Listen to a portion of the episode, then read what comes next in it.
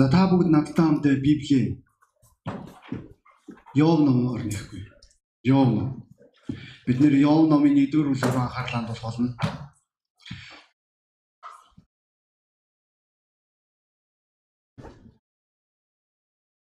Та бүгд мэдэх бах юм уу? Хятадын цагаан эрмийн түүхийг хүннүүчүүд э, тухайн үед тэр цагаан эрмийг э, эзэлсэн гэх юм уу? Хүннүүчүүд нэвтэрч чадсан байна. Энийн нэг талаас одоо манай Монголын хувьд бахархууштай түүхүүдийн нэг болов нөгөө талаас болохоор энэ энэ түүх маань биднийг нэг зүйлийг бодоход хүргэж байгаа. Цагаан хэрэм маань олон жилийн хугацаанд баригдсан ганц зорилгоор ард талаас дайрж байгаа дайснаас энэ ханаар хамгаалалтыг бүрдүүлэхийн тулд даанч харамсалтай та бүгд мэдж байгаа тийм үү? Дайсан тэр ханыг сүрүүлэх ямар шаардлага гараагүй байна. Зүгээр л дайсангийн маань хурж ирээд ханыг хамгаалж байгаа харгалзагч нарын нэг хүнийг мөнгөөр худалдаад авсан байна. Үүний ачаар дайсан маш хөнгөн орж чадсан. Энэ маань их сонирхолтой түүх байгаа даа. Цагаан хэрэм асар их удаан хугацаагаар баригдсан боловч нэг хүний үнэнч бус байдал, хувийн эрх ашигын улмаас зүгээр бүх зүйл маань үгүй гэж. Өнөөдөр зүгээр та бүгд бодоолсгүй. Өнөөдөр хэрэг олон хүмүүс Монголоо хөдөлт болоо. Зүгээр ингэ шудраг. Хэрэг олон хүмүүс 100 цаасаар, 200 цаасаар, магадгүй сая төгрөгөөр хөдөлт болоо. Та бүгд мэдчихэж байгаа юм уу? Манай үндэстэн өөрийн гэсэн хил хязгаартай хил хязгаарын сантиметрийн хүртэл маргалдаан хүртэл явагдгийг та бүгд ойлгож байгаа бах. Тэгээ тэр болгон дээр яг яагаад тэмцэлдэж байгаа вэ гэвэл манай итгэгчнэрийн нэг хил хилд айрамд аль паасан залуучуудын нэг маань надад нэг юм түүх ярьсан. Тэр түүх маань маш энгийн. Одоо яг 8 цагаас хил дээр бүх улсын бүх хилүүд дээр бүх цэргүүд бүгдөө яг 8 цагаас гардаг гэж байгаа. Одоо бид нэр 8 цаг болох үед тэр цэргүүд мөн бүгдөө нэгэн зэрэг хаасаг урд хойд баруун зүүн хамаагүй бүгдөө хил дээр зогсоо. Бид нэр хан үсгэж байгаа. Хэрвээ энэ ханыг аваад хайчих юм бол Монголын хувьд бол ямар ч найдвар байхгүй гэдгийг та бүгд ойлгож байгаа. Түл мөн бидний итгэлийн амьдрал хүртэл хан байдаг. Энэ ханны талаар би өнөөдөр та бүгдтэй ярилцмаар байна. За тэгээд бүгдөө хамтдаа Йов номын Йов ном та бүгд нэгдүгээр бүлгийг нээсэн гэдэгт найдаж байна. Йов ном. Нэгдүгээр бүлэг. 6-аас 10 дугаар эшлэл анхаарлаа хандуулъя. Нэгэн өдөр Тэнгэрлэг бийс Тэнгэрлэгч нарын талаар ярьж байгаа юм. Өөрсдөө өөрсдийгөө эзний өмнө толиулахаараа ирэхэд тэдний дунд сатанч бас ирэв. Эзэн сатанд чи хаанаас ирэв гэхэд сатан эзэнтэй хариулам. Газар дэлхийгээр хэрн гисэж түүгээр эргэж тойрлоо гэв. Эзэн сатанд. Миний бол Йовыг анзаарав. А өөлөх өөгүй зөв шудраг агаад бурхнаас имэж ёр муугаас хол байдаг түн шиг газар дэлхий дээр түн шиг газар дэлхий дээр үгүй гэв. Тэгэхэд сатан эзэнд хариулан Йов шалтгаангүйгээр бурхнаас имэдэг гэж үү? Та өөрөө түүнийг хүрээлсэн бусуу. Мөн гэр орон түүнд байгаа бүхнийг тал бүрээс нь та хүрээлээгүй гэж үү? Та гар доорх үйлийг нь өрөөж түүний эд хөрөнгө нь хөрөнгө нутагт нь арвижлаа гэж хэлж байгаа. Энд чи их сонирхолтой түүх дурддагдж байгаа. Энд чи сатан буюу бузар сүнс бурхны өмнө хурж ирээд бурхан одоо түүнд чи миний боол Йовыг харвуу гэж хэлж байгаа. Тэрээр үнэхээр гайхалтай зөвтгөн нэгэн. Тэрээр маш амжилттай нэгэн. Тэрээр гайхалтай өрөөгдсөн. Тэр үед сатан маш тодорхой нэг зүйлийг хэлж байгаа. Тэрээр зүгээр нэг зөвхт байгаа гэж бодож байгаа юм уу? Тэр өөрийн чадлаараа энэ зүйлийг хийсэн гэж бодож чинь үгүй ээ тийм биш ээ эзэн. Та түүний эргэн тойрон бүслүүрийг бүрдүүлсэн Та түүний эргэн тойрон ханыг бүрдүүлсний ачаар тэрээр энэ зүйл түүний амьдралд өгж байгаа. Бидний амьдралд асуудлууд ирж болно. Бидний амьдралд янз бүрийн одоо хүмүүсийн амьдралын үхлүүд байж болох юм. Нэг талаас үнэхээр үнэ хүмүүс гай зовлонгоос болоод өгдөг. Нөгөө талаас хүмүүс өөрийн тэнэглээс болоод өгдөг байгаа. Олон жилийн өмнө би чон сүрэг тижээж исэн эмэгтэй талаар уншиж исэн юм байна. Тэр эмэгтэй маань чонон сүргээ бэлтгэргээ бэлтгэргээс нь тижээсэн тэр эмэгтэй маань тэгэд нэлийн олон чонон сүргийг тэрээр хотоос зайдуу тижээж исэн. Тэгээд тэр эмэгтэй тэр чонон сүргийнхаа альфон байхыг хүссэн байгаа. Тэгээд нэг өдөр ээж нь охиныгоо өдрийн хоолнд хүрч ирэхгүй байгаад гайхсан байгаа. Тэгээд өөрийнх нь фермер рүү очих үед тэр чоннууд аль хэдийн тэр эмэгтэйг үгүй хийсэн байсан байгаа. А тэгвэл би нэг өөр түүх мэднэ. Зүгээр санаангүй байгальд явж байгаад чононд бариулсан хүмүүс. Нэг нь үнэхээр азгүй тохиолдол тийм үү? Нөгөөх нь ухаангүй тэнэг үйлдэл байгаа. Өнөөдөр бидний амьдралд янз бүрийн зүйлсүүд тохиолдож болох юм. Тэгэд энэ ч бид нэг зүйлийг ойлгох хэрэгтэй болов. Ахан дүүсээ итгэгч нэрээ. Итгэгч нар заримдаа бид нар заримдаа диаволын талаар дэндүү өрөөсөл ойлголттой байдаг. Диавол нэг тийм нэг хүчрхэг биетэй одоо ертөнцид янз бүрийн аим шиг кино эсвэл өөр бусад зүйлсүүдээр харангуут нь диавол нэг амир лаг тийм нэг юм хар уцтай тий ингээл ингээл тий Тэгээд нэг амар сүрхий чадлаа тэгэнгүүт Есүс диавол хоёр нэг юм гардан тултай хийж байгаа итэй бодож байгаа. Тэгвэл бидний ишлэл дээр шал өөр зураглалыг Библиэ илэрхийлж байгаа. Диавол гомдолж байгаа бурханд. Харж үү? Тэрээр их гомхронгүй байгаа. Ямар яв ямар өөрийнхөө буйнаар яасан биш. Та өөрөө хамгаалаа шүү дээ зүгээр. Тэ? Тинчээ бид нэр өөр зураглалыг харж болно. Диавол бүхнийг чадагч биш. Диавол хаасаагүй оршигч биш. Диавол чиний олон итгэгчнэр диаволоос айж амьдэрдэг байгаа бурхнаас биш. Олон итгэгчнэр бүр олон хүмүүс хараалаас айж амьдэрдэг. Тэр шалтгааны улмаас хараал гэдэг хүмүүсээс тэр зайлс гэдэг болов. Тэгээд гонигтай ямар нэгэн амьдралд нь ямар нэгэн шудраг бус зүйл тохиолдох үед ямар нэгэн асуудал тохиолдох үед эсвэл тэд нар ямар нэгэн сорилтанд унах үед нэн тэргүүнд хэнийг буруутгах вэ? Чи яагаргүй олон хүмүүсийг би харж исэн. Өө би үнэхээр хүнд нөхцөл байдал байсан. Би үнэхээр аргагүй байсан. Тийм учраас би арх үтсэн. Үнэхээр надад ямар ч арга нөхцөл байдал байгаагүй. Яавал намайг сорьсон. Тийм учраас би порно үзсэн. Яавал намайг сорьсон учраас би санхүүгийн лөөр хийсэн. Олон хүмүүс өөрийн алдаа дутагдлаа хин нэгэнд буруутгах дуртай. Өнөөдөр найз би өнөөдөр чамаас асуумаар байна. Чи хэнийг буруутгаж амьдэрдэг вэ? Зүгээр ингэ шудраг хэлэхгүй. Чи улс төрийг буруутгаж болно, засаг захиргааг буруутгаж болно. Чи олон хүмүүсийн сонголтыг буруутгаж болно. Чи олон хүмүүсийн үйлдэлийг буруутгаж болно. Тэгвэл бодит байдал дээр аваад үзвэл үн юунд оршиж байгаа вэ гэвэл Өнөөдөр чамаас өөр хинч буруу байна. Өнөөдөр миний амьдралд тохиолдож байгаа шудраг ус зүйл. Миний амьдралд тохиолдоод байгаа энэ бүх сорилтууд, энэ бүх асуудлууд маань би яагаад ийм бэ гэвэл зүгээр энэнд өөр хин нэгэн буюу та итгэгчийн хувьд та диаволыг буруутгаж эхэлж байгаа. Та тэгээ хэлж байгаа. Үнэхээр би хүмүүс өөрөөр байхыг хүссэн. Би өөрөөр алхам хийх хүсэж ийсэн. Гэтэ харамсалтай. Диавол миний амьдралд дайрсан гэж байна. Энэ сонирхолтой шүү. Энэ ишлэл дээр э, бурхны бүслэл бүслүүр хашааны талаар өгүүлж байгаа. Тэрээр өөрийн хүмүүсийнхээ эргэн тойрон тэр бүслүүрийг бүрдүүлдэг талаар өгүүлж байгаа. Тэгэд энэ бүслүүр нь тэдний амьдралд диавол юу ч хийж чадахгүй тэр нөхцөл байдалд орж байгаа. Үүнд би сая хэлсэн. Диавол хүртэл гомдолж байгаа шүү. Йовын тий хансаг бүслүүд. Яв хэлж байгаа та бүхэл бүсүү бүхэл бүсүүд дээр та ингээд хамгаалалт тавьчихар чиг би яаж одоо түүний зүв дүүгүйг би мэдх юм бэ?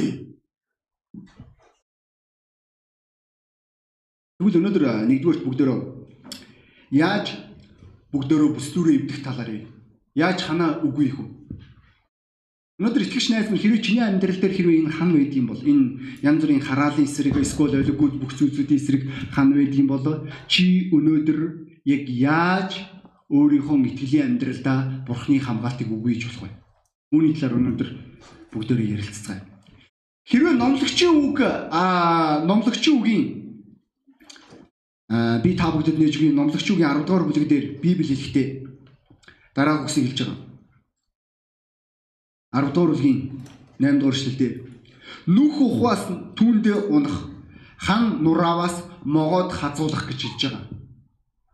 Энд чи зүрлийн байр суурьаар илэрхийлж байгааг та бүгд ойлгож байгаа бох. Гэхдээ энд чи Библиэд хэлэхдээ хэрвээ чи өөрийн амьдралдаа тэр бүслүүр буюу тэр ханыг сүрүүлэх юм бол чи эрт оройгүй могоонд хатгуулах болох болно гэж хэлж байгаа. Эртөөрөө чамайг могоо хатгах болно. Яг яагаад яг үл чи ханыг сүрүүлсэн учраас чиний амьдралд маш олон асуудлууд, маш олон сорилтууд хурж иж болох юм. Тэгээд чи энэ болгон дээр чи хэн нэгнийг буруутгахыг хичээж байгаа. Нөхцөл байдлыг буруутгахыг хичээж байгаа. Чи диавлыг буруутгахыг хичээж байгаа. Библи Матай номын 21-р бүлэг дээр хэлэхдээ үгүй 7-р бүлгийн аа 7-р бүлгийн 21-с 23 дугаар эшлэлдэр Библи намайг эзэн минь эзэн минь гэсэн болгоно. За Марк номын өршөөгөөр би ишлээ андуурч байна. Марк номын 7 дугаар бүлгийг нэг та надад. 7 дугаар бүлгийн 21-ээс учир нь дотроос нь хүмүүсийн зүрхнээс нь муу муухай бодол, садарлал, хулгай, аллах, завхаарл, шунхаарл, балмад байдал мөн залмих, дачаангуй байдал, атаархал, гүтгэлэг, бардамнал, мунхлал гардаг. Энэ бүх муу муухай зүйлс нь дотроос гарч хүнийг бузарладаг гэж айлджээ гэж хэлж байгаа. Энд чинь Библи маш тодорхой хэлж байгаа. Өнөөдөр хүмүүсийн хүмүүс яагаад өнөөдөр хин нэг нэг буруутгаж болно аа энэ өстө үнэхээр санаатай, энэ өстө үнэхээр муухай балиар бузар бодолтой, энэ үнэхээр завхаа бодолтой. Үгүй тийм биш өнөөдөр энэ бүх зүйлс маань хүний дотроос гардаг зүйл гэж хэлж байгаа. Энэ шалтгаанаар чи хийж харж гэр бүл байгуулахгүй хэрвээ чи өнөөдөр энэ газар байгаад энэ нь чиний хувьд асуудал биш гэж бодож байгаа бол Яг бол хуурам эхлэлт хуурам эхлэлтийг авчрах болно. Өнөөдөр Улаанбаатарт өдөрт 11 гэр бүл салж ийн гэж байгаа. Бид нэр туршилтын туулаанууд биш шүү дээ. Амьдрал бидэрт нэг өгөгдөж байгаа, гэр бүл нэг өгөгдөж байгаа. Өнөөдөр хэрвээ чиний амьдралд ёс суртахуунгүй байдал, завхаарл, үнэнч бус байдал зүгээр энгийн үзэгдэл бол чи хизээч байгаатай гэр бүл байгуулахгүй. Чи хизээч чиний хүүхэд чинь чиний ааваа гэх Эсвэл ээжийг их үгсийг чи эзэд сонсож чадахгүй гэсэн үг. Надад үнэхээр харамсалтай санагддаг. Би нэг хүнийг мэднэ. Тэрээр жарт өгч байгаа. Тэрээр хизээч хинтээч гэрэлж байгаагүй амьдралдаа. Э тэр өөрийн амьдралаа дуусгаж байгаа одоо 60 настайд. Түүний өөр удам байхгүй. Түнд хинч байхгүй. Тэрээр өөрийнхөө алхам шийдвэрдэг өчнөө шалтгаан олох боловч бодит байдал дээр тэрээр бодож байгаа тэр 60 настай өвгөн нэгэн цагт 18 тавьсан. Тэгээ тэрээр өөрийнхөө хүч чадал өөрийн залуу наснда бардж исэн байгаа. Гэтэ тийм байгаагүй. Эрт оройгүй. Түүний шийдвэр нь өөрийнх нь амьдралын үг байсан. Яаков номон дээр хүн өөрийн хүсэлт ачаалдаа шатаад нүгэл үлддэг талаар өгүүлж байгаа. Хүн өөрөө өөрөө өөрөөрөө хүснээрээ тэр нүглийг хийдэг. Нэг үргэх юм бол чиний өөрийн чинь хувийн шийдвэр чи энэ ханыг сүрүүлэх аюултай гэсэн үг итгэж найз минь. Бурхан эзээ чи ханыг чамаас авахгүй харин чи өөрөө энэ ханыг сүрүүлэх алхмуудыг хийж болно. Чи өөрөө өөрийнхөө амьдралдаа хараалыг авчрах аюултай. Чи өөрөө өөрийнхөө амьдралдаа нүглийн боол болох аюулгүй. Манай гонхтой байгаа. Энэ хүмүүсийг харах үед өөрийн ханаа сүрүүлсэн хүмүүсийг харах үед аль хэдийн нүглийн боол болцсон байгаад байгаа хүмүүсийг аль хэдийн хараалыг өөрийн амьдралдаа хадгалж байгаа тэр хүмүүсийг харах үед үнэхээр гонигтай байгаа. Ийм үнэхээр өөрийгөө зүвтгэж болно шүү дээ. Хинч зүвтгэж чадна. Миний ойлгож байгаагаар юм хийж чаддгүй юм шалтгаан тоочдөг. Эсвэл ямар нэгэн байдлаар ялагдсан хүн өөрийгөө зүвтгэж байгаа бардам хүн шалтгаан ярддаг өчнөө шалтгаан байж болно. Яагаад би энэ зүйлийн боол гэдэг. Яагаад миний амьдралд энэ асуудлууд байгааг чи өчнөөнөр ярьж болох юм. Гэхдээ асуудал нь өнөөдөр чиний дотор байгаа. Яг л энэ маань өнөө өглөө ярьжсэн тийм үү? Троигийн мортежлэх. Гадна талаас хинч дайрч чадаагүй тэр цайз руу зүгээр нэг жижигхэн морь ороод бүх юм сүрүүлсэн байна. Дотроосоо бүх юм сүрж эхэлсэн бид нэр өөрсдөө диаволд боломж өгч ийж болох юм. Бид нэр өөрсдөө диаволд бузар сүнсэнд тэр шалтгааныг өгж байгаа чиний амьдрал руу дайрах, чиний амьдралыг сүрүүлэх, чи өөрөө тэр ханыг сүрүүлсний ачаар могоо чиний амьдрал руу орж ирж байгаа би зүрлээ ярьж шүү. Чи өөрөө өөрийнхөө шийдвэрээр чи өөрөө өөрийнхөө алхмаар чи өөрөө өөрийнхөө амьдралдаа хор уршгийг учруулж байгаа. Өнөөдөр олон хүмүүс ойлгодгүй тэдний үйлдэл тэдний амьдралд нөлөөлдөг гэдгийг. Бид нэр ямар ч хариуцлагагүй 900-д амьдарч байна. Энэ 900-ыг Z900 гэж хэлж байгаа. Яг яагаад вэ? Яг бүх бэлэнчлэг бүх юмн дээр өссөн 900 учраас. 96 оноос хойш бүх хүмүүс орж байгаа. Бэлэн байсан. Та хизээч таксофон гэдэг юмыг ашиглаж байгаагүй. Тэрийг мэдгчгүй Та картаар утсаар ярина гэдгийг та ойлгохчгүй. Та аймагуудад сумууд дээр та хугацаатай минутаар та утсаар ярьж тэр утасны хязгаарлалтаар та боогдно гэдгийг тэр асуудлыг та хизээж мэдгүй хизээ ямагт тогийг байнга тасалдаг гэдгийг та ойлгодгүй тог маань тодорхой нэг өөрийн гэсэн цаг хугацаатай байдгийг та мэдгүй бүх юм бэлэн хоол хүнс маань дэлгүүрт байгаа зүгээр мөнгө байгаад бүх юмыг авна. Их сонин тийм үү? Бидний өмнөх тэр одоо why гэж яригч гин үү эсвэл өөрөөр яригч байгаа мó англи хэлээр тэр тодорхойлогдсон 90 зуунаас өмнөх 100 болох x 90 зууныхан тэд нэр далхны үр өмгийг цуглуулдаг. Яг яагаад яагаад тэд нэр маш дарчигхан үед амьдарч исэн учраас Ойлгож байна уу? Ихш найз. Өнөөдөр чиний амьдралд бүх юмыг хин нэгэн чиний урдаас хийх тэр үед чи аав ээжийн буянгаар амьдардаг, аав ээжийн тэтгэлгээр амьдардаг. Чиний өмсөж байгаа хувцснаас ахуулаад барьж байгаа гар утас бүхэл зүйлсүүд чиний одоо хаахалцаж томорж байгаа бүхэл зүйлс чинь тэтгэлгээр буюу эцэгхийн тэтгэлгээр байдаг болоо. Энэ маань аюултай. Энэ маань өөрөө өөрийнхөө бидний өөрсдийн маань амьдралыг сүрүүлэх аюул байгаа. Энэ би саяхан нэг нийтлэл уншсан. Энэ нийтлэл дээр юу гэж байгаа вэ бид нэр өөрөө өөрсдөө тэтгэлэг янз бүрийн зүйлсүүдийг өгснөөрөө монголчууд монголчуудаа устгаж гинэ гэж хэлж байгаа тэр нийтлэл дээр. Бидэнчлэг сэтгэлгээ гэдэг зүйл маань хин нэг би өөрийн хүснээрээ амьдрах бол би өөрийн хүснээрээ үлдэх хийн а харин дараад нь хөрө хин нэг хариуцлага хамаа алга гэсэн. Надад бодоод ах юм бол сэтгэхэд ах юм алга. Энэ маань үнэхээр гонхтой байгаа. Тэгээ амьдрал тийм байхгүй шүү дээ. Чи хэрэг ханыг сүрүүлэх бол чи өөрөө л хөрнө. Чи өөрөө өөрийнхөө амьдралыг үгүйх болно. Тэгвэл бид нэр ямар ханыг сүрүүлдэг талаар ярьцгаая. Нэгдүгээрт бид нэр хончны хамгаалтыг сүрүүлдэг байгаа. Библи дуулал номын 23 дугаар бүлэгдээ та надтай хамт нэхгүй юм. Дуулал ном 23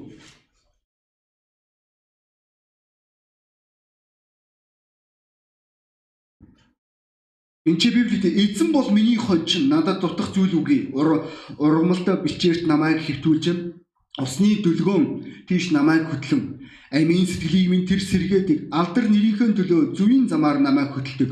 Үглийн харанхуйн хөндийг туулсан ч а хор муугаас би үлэн та надтай хамт байдаг. Таны саваа таны таяг намайг тайвшруулдаг.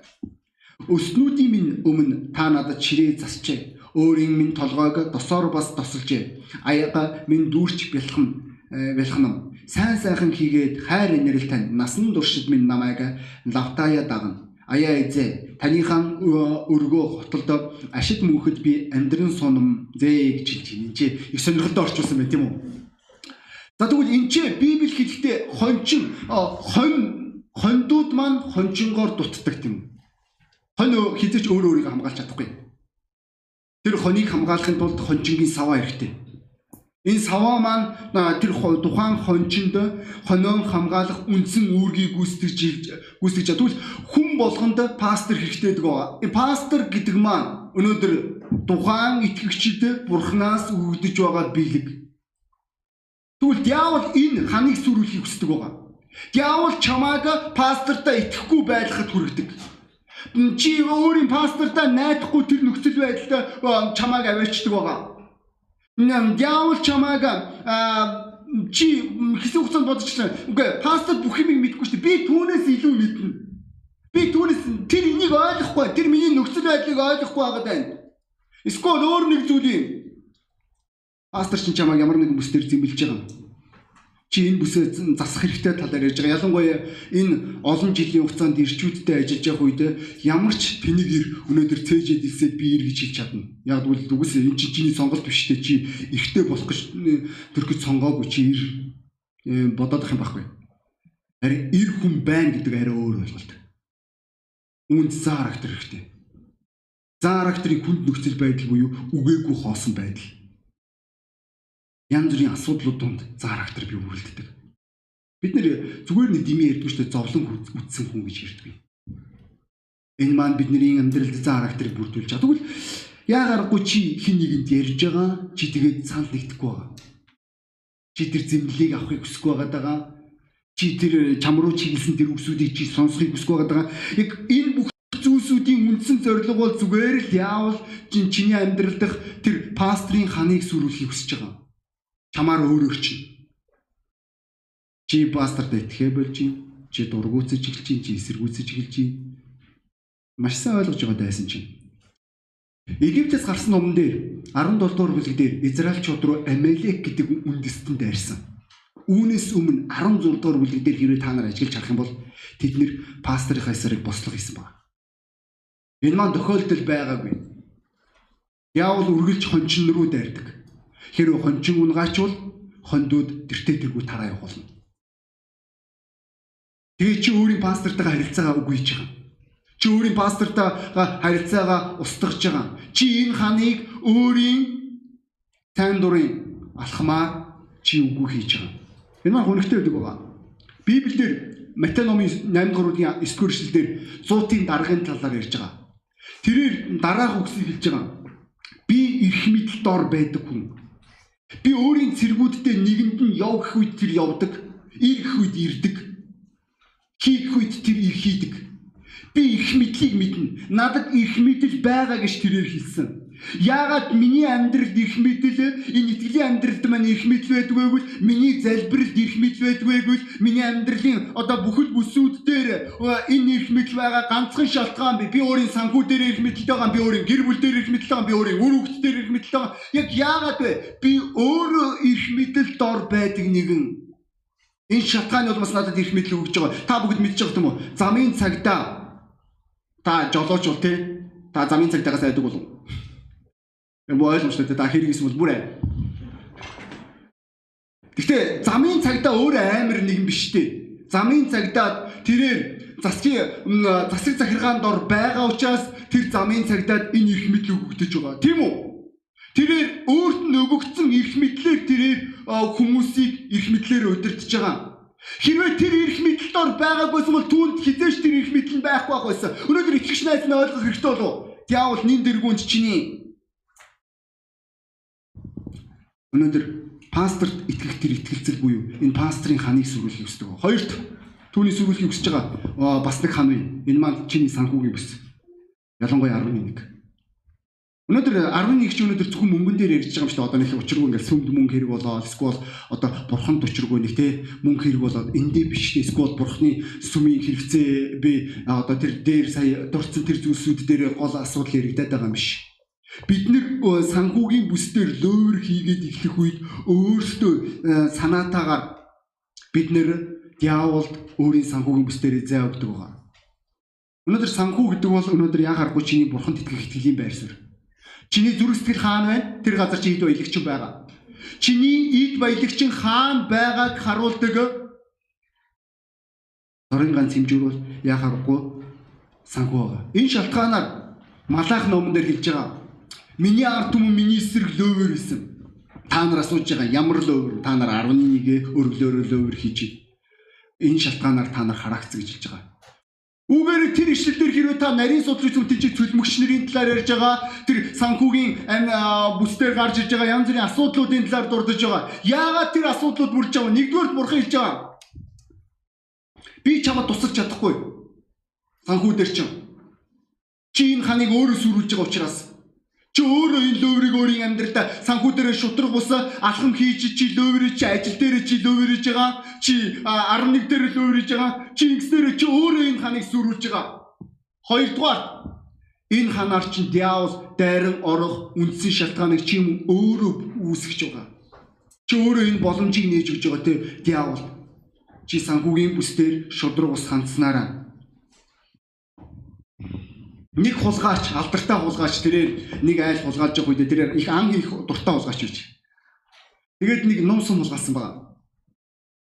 Амтаа алах дуртай учраас. Тэгж байгаа санаанд байж байгаа тэр хулгаасан юмараа өгсөн. Ном сум нь өөрийнх нь сэлбсэн баг. Санаа дүү шатаар дээшилж явж байгаа. Та бүгд ном сум буу байдэн шүү дээ. Тэрнгээр өөр өөр хус айцсан. Яг л үнтэй шин чиний хулгайсан юм чамааг өөрөө өөрөө ч үгүй байгаа. Чиний амьдралыг сүрүүлж байгаа. Чи бурханд найтгаа болж байгаа. Тэгж байгаас энэ итгэлийн амьдралын хугацаанд энэ сүмийг хариуцж явах энэ хугацаанд маш олон удаа сүмд асуудлууд санхүүгийн асуудлууд тохиолдож исэн. Тэр болгон дээр өөрөө ирэхгүй 11-ийг сүмийн 11-ийг үрчмээр санагдахгүй байлаа. Гэхдээ хизээч би энэ зүйлийг энэ итгэлийн амьдралынхаа хугацаанд энэ 10 жилийн пастрын үйлчлэлийн хугацаанд би хизээч үний энэ зүйлийг хийж байгаагүй. Яг яагаад яагаад бол санхүү сүнслэг зүйл. Өнөөдөр бид нэр үүнийг хизээч мартах хэрэггүй. Ойлгомжтой хэрвээ та өнөөдөр энэ газар анх удаа үрж ирсэн бол та миний ярьж байгаа юмнуудын талаас илүү байна ойлгохгүй байгаа тодорхой юм бол та долгионд орж чадахгүй гэж хэлж байна. Гуравдугаарт хүмүүс итгэгч нарын амьдрал дах бас нэг өөр нэг өөрсдийнх нь сүрүүлдэг хан бол хувийн дэг журам. Хувийн дэг журам маш чухал байгаа. Библи хэлэхдээ сургаалт өгсөн 24 дугаар бүлэгтээ дараах үгсийг хэлж байгаа. 30 31 дугаар эшлэлээр залхуу хүний тариан талбай ухуур мөчтийн усан үзмийн цэцэрлэгийн дэрэгдүр би өнгөрөв. Харагтун бүх газарт нь өргөст бут битүү ургажээ. Халгаагаа дүрч чулуун хашаанд нурсан байлаа гэж хэлж байгаа. Энд чи хувийн дэг журамгүй хүн өөрийн ханаа хашаага сүрүүлдэг талаар ярьж байгаа. Энд чи тэрээр өөрийн хувийн дэг журамгүй байдлын улмаас тэрээр энэ бүх зүйлийг үүсгэж байгаа юм. Олон хүмүүс өнөөдөр бурхан тэднэрт туслаасаа гэж хүсдэг. Олон хүмүүс бурхан тэднийг өрөөгөөсэй гэж хүсдэг байгаа. Хинч гараагдах хүсэхгүй шүү дээ. Чи тэнийг биш үү? Тийм үү? Тэгвэл тэг үүний хажуугаар олон хүмүүс өглөөний залбир дээр хурж ирэх дургүй. Аа өглөөний залбир дээр босч чаддаггүй. Бид нэр Библи унших хүсэлгүй байдаг. Бид нэр үнээр хөгийн шалтгаанаар цуглаанд хурж ирч чаддаггүй. Тэгээ хэлж байгаа бурхан минь та намайг яагаад өрөөхгүй? Чиний хувийн зохион байгуулалтгүй байдал маань энэ маань өөрөө өөрийн чинь амьдрал дэх тэр ханы үндсэн сүрэл байгаа. Чи үүгээр өөрийнхөө чи тэр хамгаалтыг үгүй хийж байгаа. Чи хувийн зохион байгуулалтгүй байдлаасаа болж чи яа уулзаа гэж байгаа. Олон гэр бүр олон гэр бүлүүд энэ 10 10 жилийн хугацаанд би олон гэр бүлүүдтэй харилцах боломж надад олдчих. Үнэхээр энэ гайхалтай олон гэр бүлүүдэд зөвлөгөө өгөх боломж олдчихэ. Тэр болгон дээр дандаа одоо хин нэгнийх нь асуудал бүр ялангуяа ирчүүдийн асуудал хувийн дэг журамтай холбоотой байдаг байгаа. Би бүр манай холбоонд хувийн дэг журамгүй байдлаасаа болоод ерөөсөө залбирдгүй ерөөсөө ингээд энэ бүх зүйлүүдийн төлөө анхаарал хандуул пастор 30 удаа хэлсэн. Тэгээд ямар ч нэмэргүй байжгаад эцсийн дүнд гэр бүлээ салгасан хүмүүсийг би олон сонсч ирсэн. Ойлгож байна. Чи буруу сонсоогүй хувийн дэг журмаас олж гэр бүлээ хүн сүрүүлж болно. Хувийн зохион байгуулалтгүй байдлаасаа болж. Энэ маань гонигтой байгаа ийм хүмүүсийг харах үед чи өөрийнхөө итгэлийн амьдрал дээр хим химжээсийг тавих байгаа. Чи өөрийнхөө утсан дээр фильтр суулгах байгаа. Аа чи тэгж байгаа болно гэж бодож байгаа. Чи өөрөө өөрийнхөө хувийн дархлаа гэж окей итгэж найз нь ойлгох хэрэгтэй бол чи хэрвээ энэ хувийн дэг журам зохион байгуулалт гэдэг зүйл рүү чухалчлан хандахгүй бол эрт өрөөгүй чи өөрийн ханаас сүрүүлэх болно өөрийн гараараа бас эцэст нь бас нэг чухал бүсүй. Энэ маань болохоор гомдол. Гомдол хорсол. Бидний амьдралд хүмүүс биднэртэй шудрагус хандаж болно. Биднэртэй ямар нэгэн ойлггүй зүйл хийж болох юм. Тэгээ биднийг бүр уурсуулж болно. Библи хэлэхдээ уурлахдаа ууранд чинь нар буу жарга, диаволд зай бүү үг гэж Библи хэлж байгаа. Эфес номын 4-р бүлэгт. Тийм үү? Бид нэр э, эмоцийн буюу сэтгэлийн хөөрлийн маш өндөр түвшинд өөрөө өөрсдөө аваачж бол яг яг бол хин нэгэн чамтай шудраг сандсан учраас хин нэгэн чамд олиггүй зүйлийг хийсэн хийсэн учраас энэ болгон дээр хэрвээ чи яг л тэр эмоцороо тэр сэтгэлийн хөөрлөөр тэр гомд надтай шудраг сандлаа Тэрээр чи өөрийн уур хэлэн энэ бүх зүйлээрээ чи хэрвээ шийдвэр гаргаж эхлэх юм бол чи өөрийн ханаас өрүүлэх болно. Библи юу хэлж байгаа лээ? Сургаалт үгсийн 14 дугаар бүлэг дээр мунхаг эмэгтэй өөрийн гараараа гэр бүлээ сүрүүлдэг гэж хэлж байгаа. Мунхаг эмгтэй шүү. Яагаад эмгтэй гэж хэлж байгааг та нар энэ ч хүмүүс ойлгож байгаа бах тий. Хэрвээ эрэгтэй хүн хит эмоцтой үйл энэ асуудал тий. гэж ойлаа тий. Энэ бас хүндрэл болов. Амар амархан эмзэглэл би гомцсон. Би одоо сүүлийн үед одоо манай ерөөсө сүүлийн 8 жилд нэг ийм сонир үзэгдэл болоод ирчүүд эм ордог үзэл. 8 жилийн өмнө ийм юм байгаагүй ирчүүд эм оргооч мэддэггүй байлаа мангартоо. Тэ энэ амар эсэ бидний тэр үед 8 жилийн өмнө одоо бүх юм өөрчлөгдсөн. Ирчүүд эмзэг битгий юу хүнд явцсан. Чаус. Жоолох хэрэгтэй. Ирчүүд одоо цэргээс цутчих Яг бодож эхэлж байгаа одоо хэрвээ дайрах юм бол одоо яана. Би сэлэн байхгүй. Би бод байхгүй.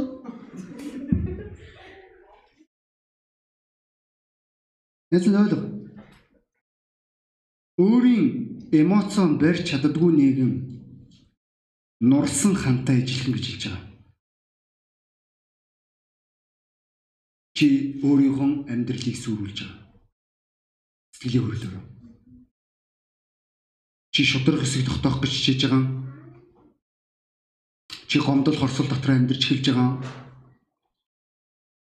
Эцсийн дүнд өнөөдөр өөрөө өөрийнхөө амьдралдаа буруу шийдвэр гаргаж байгаа. Минь ойлгох хэрэгтэй болов. Чи өөрөө өөрийгөө сүрүүлж байгаа. Өөрийн гомдол хорслороо Энэ шалтгаанаар еврейгийн загтал дээр та нарын дунд гашуун үндэс урахгүй тулд та нар анхаар гэж хэлж байгаа. Итгэлээс холдохгүй тул бурхны нэгүслээс холдохгүй тулд. Яг бол гашуун үндэс гэдэг нь маань энэ маань өөрөө итгэлийнхаа эсрэг амьдрын гэсэн үг. Энэ маань чи бурханд гомдож байгаа, чи өөрийн пастортай гомдож байгаа, чи ерөөсө боломжтой бүх хүмүүс гомдож байгаа. Өөрөө өөртөө хідэж гомдохгүй тий. Та нар ажигсан би өөртөө өөртөө амар гомддог. Тэгээ би хоолоо хасгаар шийдсэн гэдэг. Эглэн барьж байгаа хүмүүс л тэгдэх тий. Тийм үү? Тийм гэдэг шүү дээ. Энд чинь. Үгүй тийм биш. Хүн өөрөө өөртөө гомддоггүй шүү дээ. Хүн өөрөө өөрийгөө толь руу хараад хэлдэг шүү дээ. Ямар мухан матар. Хүч. Тэгдэггүй үстэй. Айл болох сайжруулах гал Тэ хүмүүсийн өмнө нүрэ гаргах гал сайхан харагдах гал тэ будаад одоо сүүлийн үед эрчүүдийн косметик гараад ирсэн гэж хэлж байгаа үгүй аль дээр л гарсан гэдгийг ойлгож байна даа. Одоо энэ эрчимтэйгээр одоо хэрэглээ. Би тэгээ ойлгохгүй байгаа юм. Одоо аав ээжтэй гомдож амьдрт юм аа шин тэр залуу. Би намайг ингээ юм төрүүлчихлээ. Одоо би бас засах хэрэгтэй.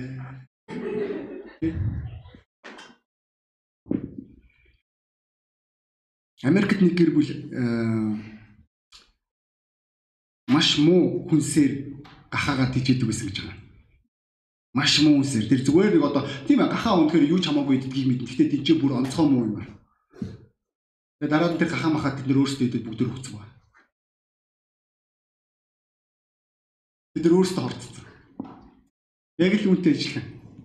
Чи өөрийн гомдол хорслороо чи өөрөө өөрийгөө гэр бүлээс сүрүүлж эхэлж байгаа. Чи санч надтай яаж чадруу сансан. Би чамд ярьж өгөө.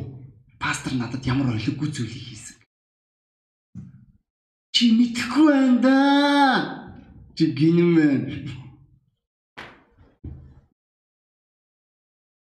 Ямар гүнхтэй ба. Чи өөрөө өөрийгөө сурвалж. За тэгвэл яаж ханаа байгуулах вэ? Тэгэхгүй одоо хан бодо сүрж дууслаа шүү дээ. Тийм үү? Бидний амьдрал дах дөрвөн бүс үүдэг байна. Ханаа сүрүүлэх, бурхны хамгаалтыг үгүй их өөрийнхөө амьдралаас. За тэгвэл бурхны бидний Йов энэ загтлын нэгдүгээр бүлгийн 8 дугаар эшлэл рүү харах юм бол эзэн Йовын талаар дараах үгсийг хэлж байгаа. Түн шиг зүвт Бурханаас имээх зүрстгэлтэй нэгэн чи мэдхүү гэж хэлж байгаа. Хэрвээ чи өөрийн итгэлийн амьдралдаа миний бол Йовыг анзаарна анзаарв уу? Өөлөх өөгүй зүв шудраг агаад Бурханаас имэж ёр муугаас хол явдаг түн шиг энэ газар дэлхий дээр үгүй гэвэ гэж хэлж байгаа. Энд чинь 8 дугаар эшлэл дээр ингэж хэлж байгаа. Тэгээ энэ шалтгаанаар бурхан Йовыг юрөөдөг болж таарж байгаа. Нэг үгээр хэлэх юм бол Йов бурхантай хамт бурхны зүйлсүүдийг хийдэг байсан гэсэн үг. Бурхны хүслийн дагуу амьдардаг гэсэн байна. Тэрээр үүгээр өөрийнхөө амьдралдаа энэ ханыг бүрдүүлж чадсан. Тэрнээс бол ёс бусыг биш. Тэрээр ирээ цэргүй амьдралыг биш. Тэр эсэргүүцлийг биш. Тэр энэ бүх зүйлсүүдийг өөрийн амьдралдаа зөвшөөрөөгүй. Хэрвээ та Бурхны эсрэг хэрвээ та Бурхны хүслийн эсрэг та амьдрдаг бол Бурхан танд юугээрээ ч тусалж чадахгүй. Та хэрвээ Бурхны хүсэж байгаа зүйлүүдийг Бурхны хийж байгаа зүйлүүдийг хийдгүү бол Библи юу хэлж байгаа вэ? Хин биднэртэй хамт биш вэ? Тэрээр тараагч. Есүс Христ. Тэгвэл өнөөдөр итгэвч найз нь хэрвээ чиний амьдралд хэрвээ дуулуургүй байдал байгаа бол чи өөрийн амьдралаараа чи өөрийн шийдвэрээрээ чи бурхны эсрэг амьдрдаг бол чи гимшиг хэрэгтэй. Тэгэхгүй бол чиний амьдрал аль хэдийн хан сүрцэн гэсэн үг. Зүгээр энэ маань цаг хугацааны асуудал. Диавол чамайг бүр мөсөн үгүй хийх. Энэ маань аимшигтай болно. Олон жилийн өмнө би грек мичл пастрын талаар түүх сонсч ирсэн. Энэ түүх маань юугаар сонирхолтой вэ гэвэл 1997 онд грек мичл пастор сүм нээсэн байгаа. 1997 онд. За заримуд нь 97 онд төрөөгүй тий.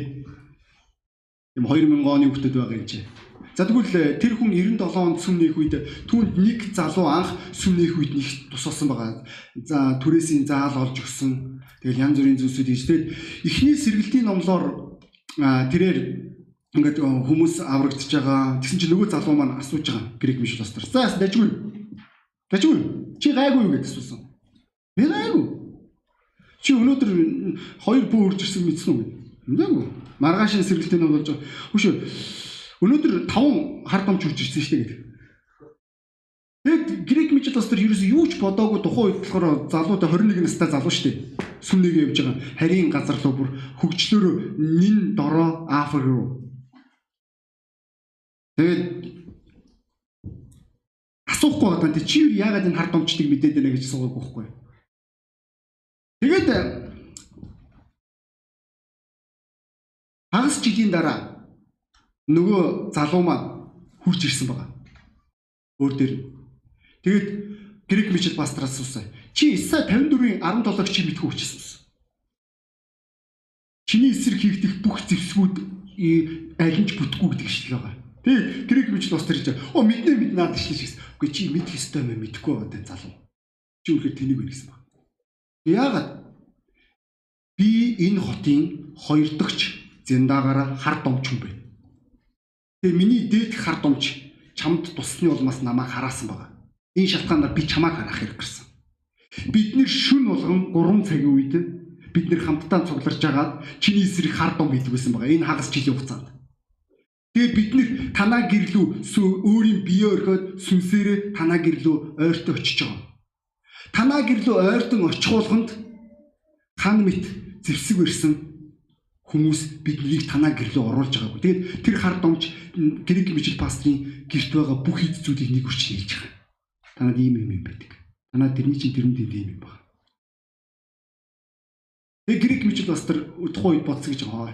Амар гой санагдсан гэж байгаа тэр үед. Тийм ээ надад том боос би хамгаалдаг. Гэтэ уушлаарай. Нэг зүйл бий.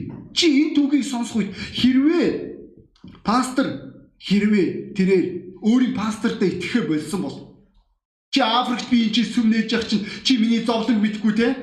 Пастор нь түн зөвлөгөө өгч бас чи юугээ миний зовлон мэдгүй чи чи яахаараа энд ингэдгийг тэрээр өөрийн пастортаа дуулуургүй байр суурьаар тэрээр өөрийн пастортай итгэхгүй зан гаргасан бол Хэрвээ тэрээр өөрийн санхүү дээрээ санхүүгийн өчнөө асуудал тунд орсон сүм байсан тухайд өр ширэндээ баригдсан. Тэгвэл энэ сүм маань ийм нөхцөл байдал байхад гээд тэрээр 11 дэх шудрагу сандсан бол тэрээр өөрийн итгэлийн амьдралдаа за угаасаа тэртээ тэгөө өглөө боссон ч ялаа босоогүй ч ялаа библ уншсан ч ялаа уншаагүй ч ялаа хүмүүс ирэхгүй байгаа юм чигээд хувийн дэг журам дээр олхоогүй хандсан бол тэрээр тэрээр Угсаа намайг энэ Африкт угсаа нэг хар ястан хүмүүсийн дунд тэ бүглөө цахилгаагүй газар намайг хайчлаа гэдэг тэрээр гомдол хорсоор дүүрсэн бол тэ хинч намайг ойлгохгүй байна гэд өөрийгөө өрөвдөж гисэн бол хизээч түүний амьдралд энэ хан бүрэлдэхгүй байсан гэдгийг аханд үсээ та нар ойлгох хэрэгтэй болов. Бид нэр зөв шийдвэр гаргах үед бид нэр зөв алхам хийх үед бидний амьдралд сүнслэг хан бүрэлддэг. Өөрөөр биш. Тэгэд энэ газар гомболгон толгой удаалгаад нүд ярихгүй.